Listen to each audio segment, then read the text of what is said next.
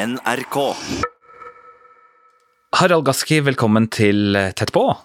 Takk skal du ha. Du kommer fra Tana og er professor i samisk litteratur og kultur på Sami Allaskola, og så er du professor to på Universitetet i Tromsø. Og så i tillegg til det er du forfatter og dramatiker og har fordypa deg i Nils Aslak Valkeapääs liv og kunst. Du har jo så mange um, ting på CV-en at vi burde jo egentlig satt av tre programmer til deg, merker jeg, men det er faktisk eh, noe annet som jeg kunne tenke meg å snakke med deg om i dag, og det er det med eh, det som du har forska på som handler om samiske tradisjonelle verdier og verdensanskuelse. Og jeg er spesielt nysgjerrig på det her med forskjellene på samisk og norsk kommunikasjonsform. Fordi det er jo sånn at det er samisk og norsk, og norsk og samisk. Og jeg snakker samisk i liten grad, og opplever at jeg av og til trenger litt hjelp til å tolke hva som blir sagt. Ikke bare språklig, men kanskje mer sånn kulturelt, da, hva som ligger bak. da. Og så opplever jeg at det er noen sosiale koder som jeg ikke helt klarer å knekke. Er jeg på villspor, eller er det forskjeller mellom norsk og samisk? Ja, du er ikke på villspor, definitivt ikke. Det, men jeg sitter jo og tenker mens du sier det der at jeg skal nå avsløre de her forskjellene. For, for, vi liker jo egentlig at det skal, det skal være forskjeller, og, og, det skal være utfordringer for folk som kommer utenfra og, og, og, vil forstå seg på det samiske. Så.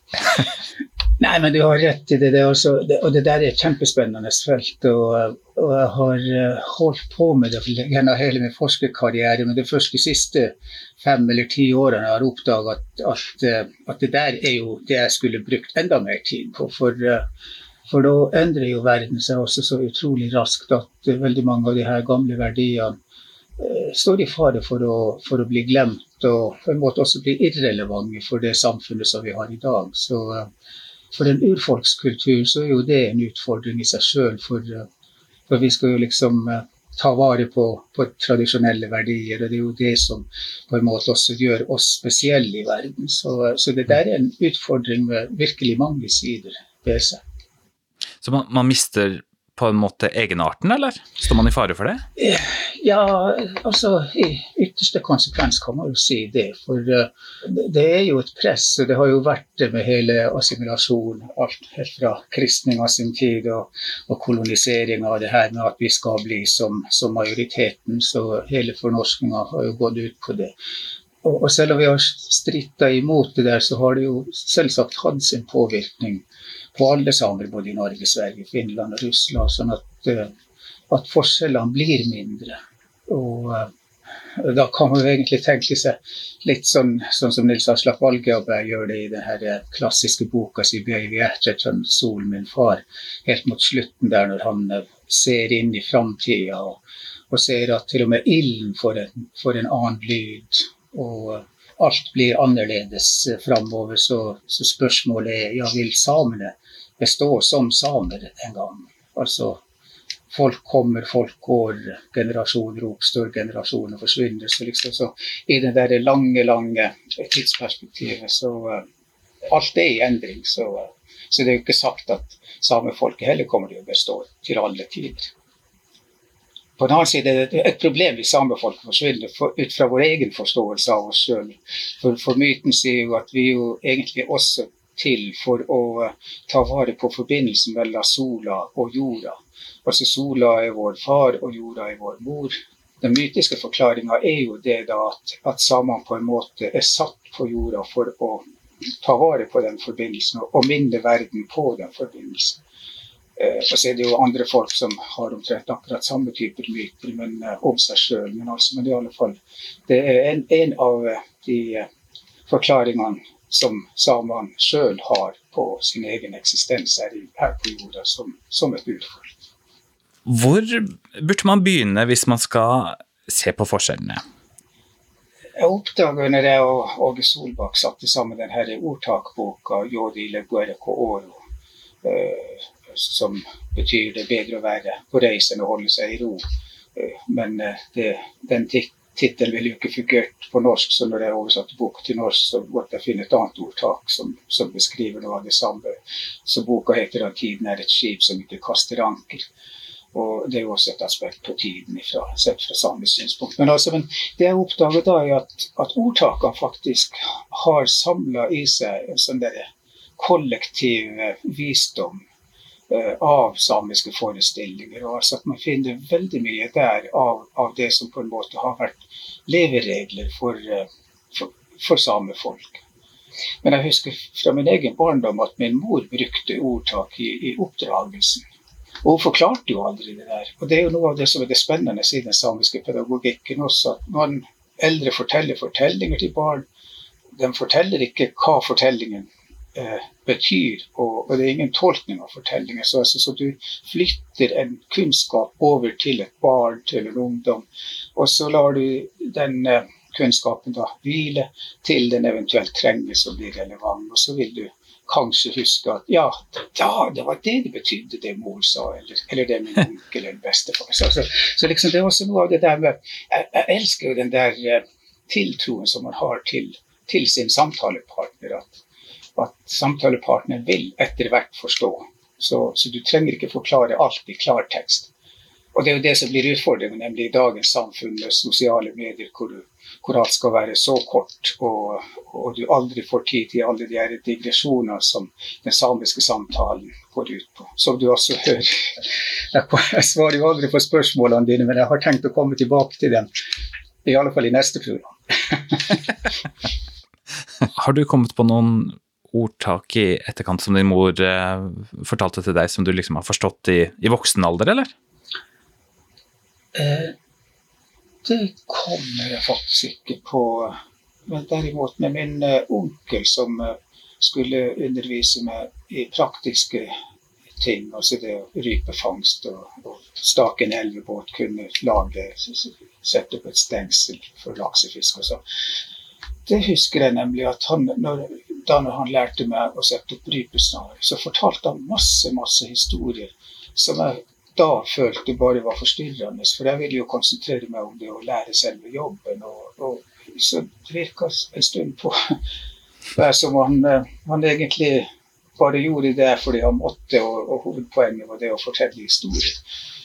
Og det skjønte jeg faktisk ikke før 20 år etterpå, når jeg satt på lesesalen i, på Tromsø museum faktisk, og, og, og, leste gamle tekster av Kvikstad. Hvor Kvikstad sa noe sånn som uh, som altså fikk, fikk, lyset til å gå opp for meg. Ja, men det var det min onkel også prøvde på. Nemlig det å, å fortelle historier som altså da fortalte om folk som ikke hadde gjort ting korrekt, og ikke hadde eh, fulgt med når, når de ble anvist ting og sånn.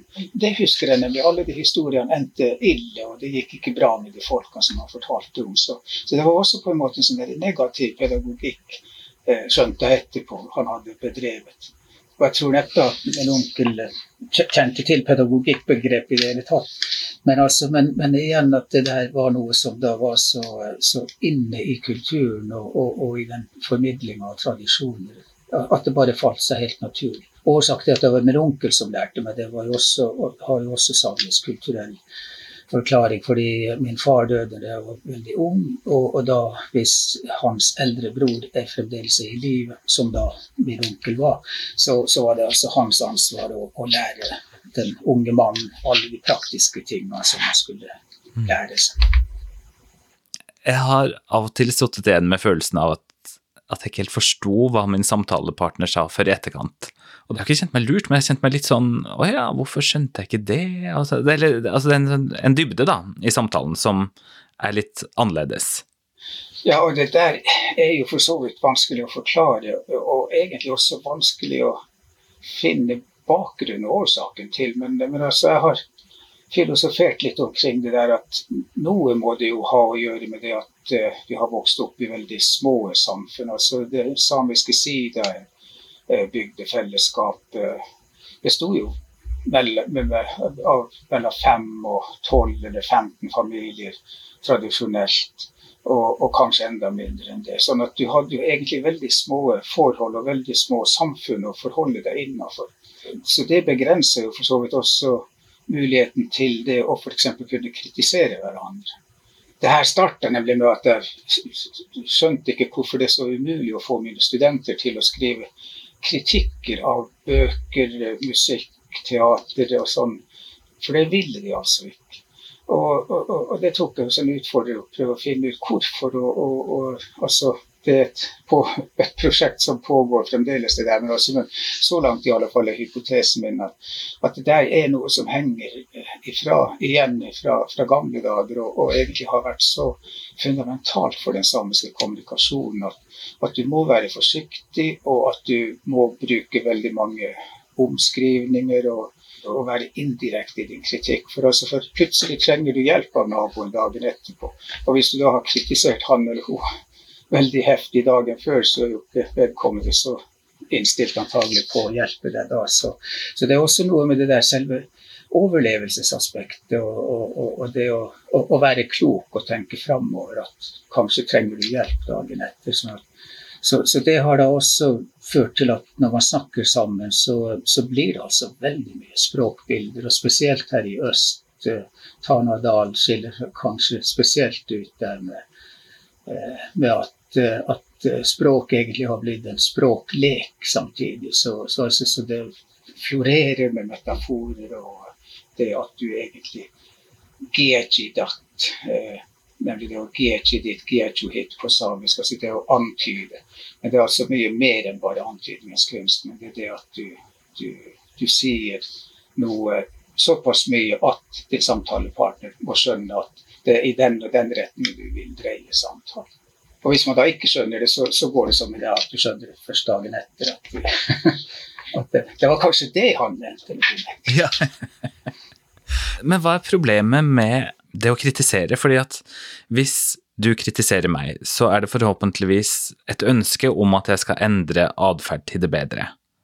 Og hvis jeg da oppfatter din kritikk av meg konstruktivt, så gjør jeg kanskje ikke den samme feilen på nytt igjen. Hva er det å frykte ved det? Ja, etterpå det, det som uh, er noe av det som jeg var inne på innledningsvis, med altså det at ting er i endring. Og, og, jeg tror også vi samer etter hvert uh, ikke helt får tak i det her. Og, jeg ser når jeg underviser unge studenter i det her, det, det, er jo på en måte en samisk variant av retorikken. Så det, det er jo en talekunst, men, altså, men, det er jo også en talekunst som går motsatt, litt motsatt av retorikken. For altså, her er det jo snakk om det da å få fram et budskap veldig indirekte. Nei, det må jo ha noe å gjøre med erfaring, at du på en måte har opplevd det at altfor direkte kritikk slår tilbake på deg sjøl, eller, eller, at den ikke fungerer produktivt, eller, eller noe sånt. Så svaret på det der er jo nesten umulig å finne, fordi eh, alle de kilder som vi har, kommenterer ikke det. Så vi har egentlig bare verbene og termer termene for det her. Sånn også, for vi har jo biesa dette å prøve å ikke trenge svaret direkte. Eh, Gietui var inne på det med å liksom si halvkveda setninger. Eh, og så har du måkehallat og, og, og, mange andre uttrykk der som også går inn på det samme. Så det blir veldig mye sånn der Det er egentlig synonymer, men, men altså de har litt spesialitet. Det, det, tror jeg er det, det, indre aspektet. Det andre er jo selvsagt det med at uh, samer veldig tidlig kom i kontakt med andre, med majoritetsbefolkningen. Og, og, og der er det jo veldig viktig da å, å, å være forsiktig med hva man sa. Og, og, når du også måtte uttrykke det på et annet språk, så, så skjønner man jo at uh, hvis du svarte nei på spørsmålet vil du bli en kristen, så gikk det neppe bra med det. Og jeg tror det der har vært uh, har foregått ganske hardt og vært en brutal opplevelse for, for tidligere generasjoner, altså langt tilbake i tid. Er det mulig å se hvordan møtet med en sånn kolonimakt ble gjenspeila i joiken? Ja, det er et kjempespennende eh, område. Og heldigvis, pga. en finsk prest som, eh, som, var prest i Utsjoki på 1820-tallet, og lærte seg samisk veldig godt og, og kom, fikk god kontakt med, med lokalbefolkninga. Så oppdaga han etter hvert da, altså at de her samene stakk seg unna til skogs eller andre steder. Og da framførte de altså lange sånne fortellende joiketekster. Og han fikk da en av de her unge mennene, Mats Anundsson Laiti, la han skrive ned noen av de tekstene. Og, og all ære til den mannen for det, for, For uten det samarbeidet mellom de der to, så ville vi også mista en, en, utrolig viktig dimensjon ved, ved nemlig muntlig overlevering eh, av tradisjon, tradisjonskunnskap. Men altså pga. prestens uh, skriftlige kultur, kulturelle bakgrunn, så satt han jo seg ned og skrev det ned. Og uten at hadde, hvis ikke han hadde gjort det, så ville jo alt det der gått tapt. Det er en sånn muntlig fortelling om hvordan sameland ble befolka. Og, og, og de tekstene går altså langt tilbake egentlig til steinalderen og, og til den samiske innvandringa. For altså, alle har jo kommet til det her området. Det var jo især. Så, så, så, liksom, så. Men den fortellinga er jo også om hvordan samene oppførte seg og, og, og, lærte seg å klare seg i det her samfunnet. De to hovedtekstene er om samenes første og, senere befolkning. Men så har han en, en joiketekst som heter 'Tyven og sjamanen'. Og det er altså en tekst som da helt moderne innhold. For, for tyven er da eh, representanten for kolonimakta, og sjamanen står for de samiske verdiene. Og Det der er altså en sånn vekseljoik, der de argumenterer med hverandre og mot hverandre i joik. Og Det finnes altså egentlig både én sånn i det nordsamiske området og en av samme type joik i det sørsamiske området. Og, og der, der uh, ender det nemlig med at uh, sjamanen, altså den samiske personen, til slutt blir stille og taus fordi eh, kolonimakta ikke, ikke, forstår hans synspunkt. Og Det er jo nettopp det som, som er den samiske tradisjonen. Og, og, og, det er altså Hvis du er fullstendig uenig, så blir du taus. Og Der ser du jo allerede forskjellen til det her med taus, tale er gull, taushet er hva hvordan det norske. Men, altså, men i alle fall, når du da virkelig vil vise motstand, så, så, blir du altså helt stille. Og det andre er jo også det at du ofte brukte å vrenge kofta. Altså i offisielle sammenhenger, sånn at, at, at, det var veldig tydelig at du var misfornøyd med det. Det der gjør jo også Nils Asle Hallgeir i sitt uh, klassiske dikt uh, om 'Mitt hjem er i mitt hjerte'. Nils Aslaks dikt er på en måte en, en, en poetisering av den gamle joiketeksten, hvor, hvor også jeg-personen også er en same som prøver å fortelle de her inntrengende maktene at, at, sånn kan dere ikke gjøre det, og det her er altså min god plass. Og, og, og, liksom bruker alle de samiske argumentene for å få fram sitt synspunkt. Men altså når ikke fram man har ikke felles referanseramme for samtalen engang. Så, så han, han, blir altså stille og taus, og så henvender han seg til sitt samiske publikum og gjør det samme som sjamanen. Altså på en måte oppfordrer til, til motstand, men eh, innrømmer at man har tapt retten til land og vann. Men man eh, vil fremdeles beholde språket og sitt kulturelle egenverd. Altså Der igjen tror jeg at samer har tenkt at ja, ja, men samtalepartner må jo skjønne det at når jeg har snakka og snakka og snakka, hjelper det ikke å gjenta samme argument om igjen og om igjen. Så, altså, så da plutselig så blir man bare helt taus.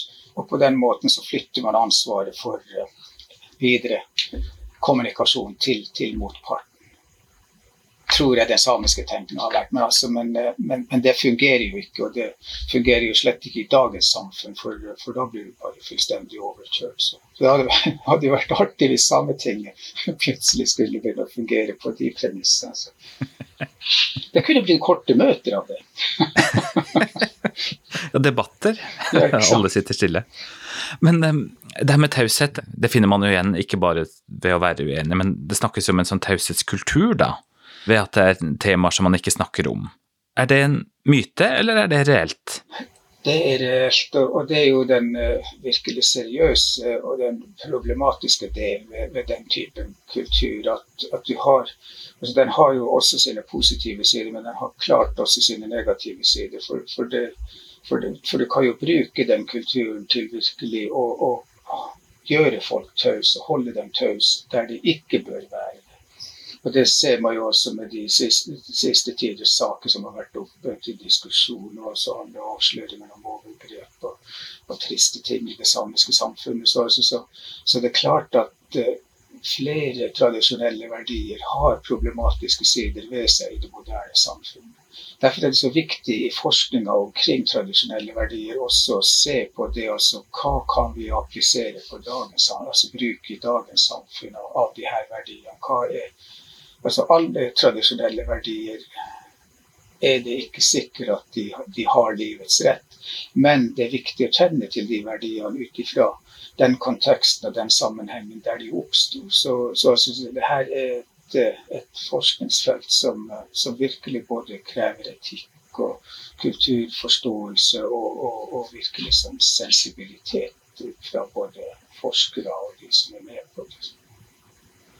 Ja, og en, den samme kulturforståelsen ønsker man jo vel helst at både politi og eh, rettsvesenet skal ha, og fagpersoner som skal inn og hjelpe og, og jobbe eh, i samiske områder òg? Ja, absolutt. Og der er en annen kjepphest som jeg har, nemlig det her med at uh, altså hele utdanningssystemet i Norge må jo ta inn over seg det her med at, uh, at man må få ut mer kunnskap om samiske verdier. altså som nettopp samisk verdensanskuelse. Altså, så det hjelper ikke å være norsk politiker og kunnskapsminister og si at vi har overført midler til Sametinget og det Sametingets ansvar. For Sametingets ansvar er å skaffe til veie samiske læremidler for samiske skoler. Men altså det er fremdeles norske myndigheters ansvar å lage gode læremidler for, for den norske skolen. Og, og samene er jo en del av det norske samfunnet, så man må ha noe mer om, om samisk kultur og samiske forståelsesformer inn inn, inn, inn i utdanninga. Altså, det der ser jeg jo på som kjempespennende arbeid også, for, som er artig. Og tror jeg ville være veldig artig å være med på også i sånn teamwork.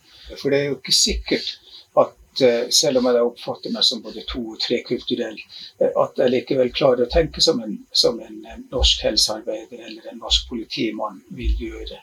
Hvis jeg skriver en tekst og sender den ut til en sånn gruppe som, som jeg skal jobbe sammen med, så vil jeg jo helt sikkert få tilbake kjempespennende respons som, som gjør at det kan bli enda bedre. Så jeg tror nemlig på det her med sånn som dagens kultur virkelig er ordentlig sånn der, delt opp i alle ulike typer nisjer og, og disipliner, så, så, så, så, er det det som trengs. At man, man tilrettelegger for, for, de ulike yrkesgruppene og de ulike behovene som, som finnes innenfor samfunnet.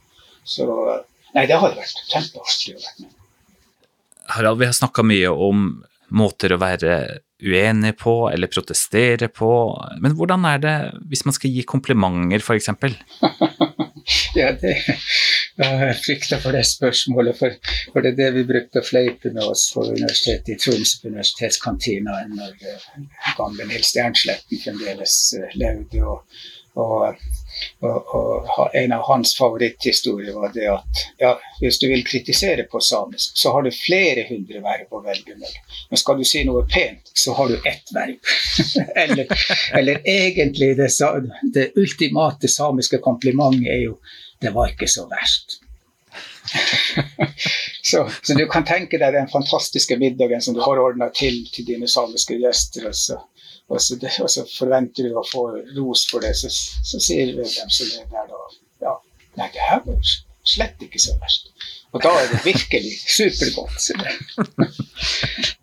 Antagelig har det hatt med overlevelse å gjøre, og det der med at du må være veldig på det som må rettes opp for at du skal klare deg i et hardt arktisk klima. Men, men, jeg vet ikke om det egentlig bare har med å gjøre, om det kanskje også har med personlighet og, og kulturelle særtrekk det er også det er et uutforska område. Det er kanskje heller ikke mulig å finne ut noe om det. Men, altså, men, eh, men det med at man har vært altfor lite positiv og, og, innstilt på å skryte folk fram, og, og, og, sånn sett bidra til at ting bedres. Jeg, ser en endring på det der nå, og er veldig glad for det. Men jeg tenker litt på det du sa tidligere om det her med kritikk, at man er forsiktig med å kritisere andre, eller at man historisk sett har vært det, for det kan slå tilbake på deg sjøl. Jeg vil jo tro at hvis man gir et kompliment, så vil jo det ha motsatt effekt, da. At hvis jeg sier noe pent til deg, så vil jo sjansene for at du hjelper meg neste uke øke, da. Ja, men igjen så har du, har du det der med guektilosja. Det er altså noe som også sitter i ryggmargen hos samer, at hvis noen skryter av det, så er de ute etter noe annet. Altså det er sånn eh, Som baktanke? Ja, ja baktanke bak det. At du, du, gjør det av en eller annen grunn. Så, så, så, så, til og med komplimentet blir mottatt med skepsis. Og ja, det må være, det må være noe. Han, han tenker nok på på et eller annet. Så, liksom, så, så altså, der man tror at en kompliment ville virke positivt og virkelig stimulerende, så kan det faktisk egentlig virke motsatt. Sånn altså tradisjonelt. Jeg tror nok i dag så, så vil de fleste samer ta imot en kompliment. Er det lokale forskjeller, eller? Ja, det er det også. Ja, og det er jeg glad du spør. For det, mitt nærområde og det jeg kjenner best, er jo Tanadalen, som jeg var inne på. Men veldig mange av de her eh, verdiene som jeg har vært inne på, er fellessamiske verdier. Og veldig mye av det eh, forskningsmaterialet mitt er jo også fra andre samiske språkgrupper, språk, eh, geografiske områder. Så, så, så, så, det samme går igjen over hele det samiske området. Så, så det er jo for så vidt også en god grunn for å snakke om at vi har en felles kultur, felles historie. Og, og sånn sett det at språkene så atskilt og forskjellige, har, har, med geografi og lange avstander å gjøre. Så, så jeg tror nok, tror nok, virkelig at, uh, at uh, den der ideen om, uh, om, samiske verdier og en samiskhet er noe som, som samer har hatt veldig tidlig.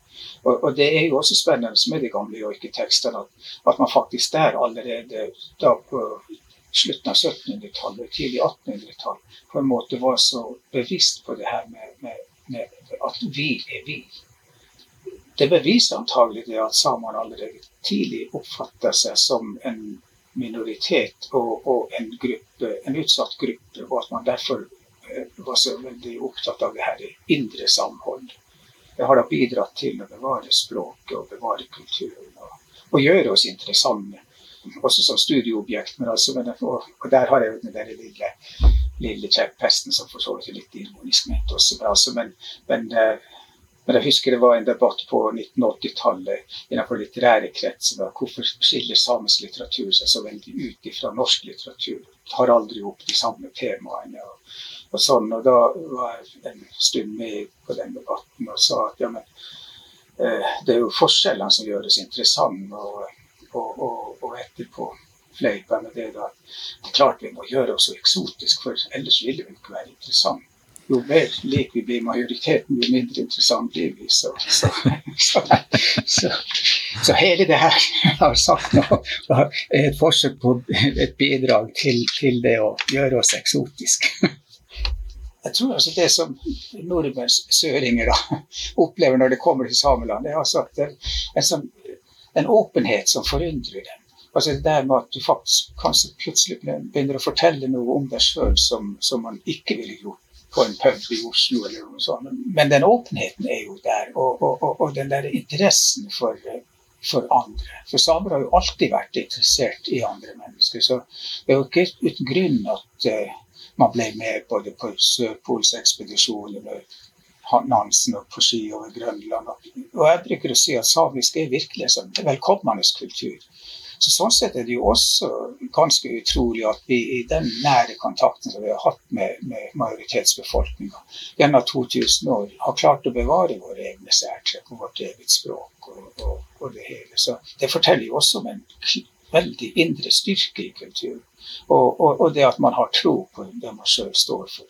Og, og, da er det jo så veldig lett å, å dele med andre. Så, eh, så, det er for så vidt bare i den tradisjonen jeg prøver å leve med. at eh, jeg syns det, det, er så trivelig å være same. At uh, hvis andre vil høre, høre, om hvorfor det er det, og hvordan er det, så, så formidler jeg det veldig gjerne. Harald Gaski, tusen takk for at du var med i Tett på. Takk sjøl, det var jo artig å være med på, eller for å bruke det samiske komplimentet. Jeg syns det er ikke så verst, det her. Nei, jeg er helt enig med deg. Ehm, jeg heter Svein Lian, tett på fra NRK Sápmi, er produsert av 1 til 1 Media.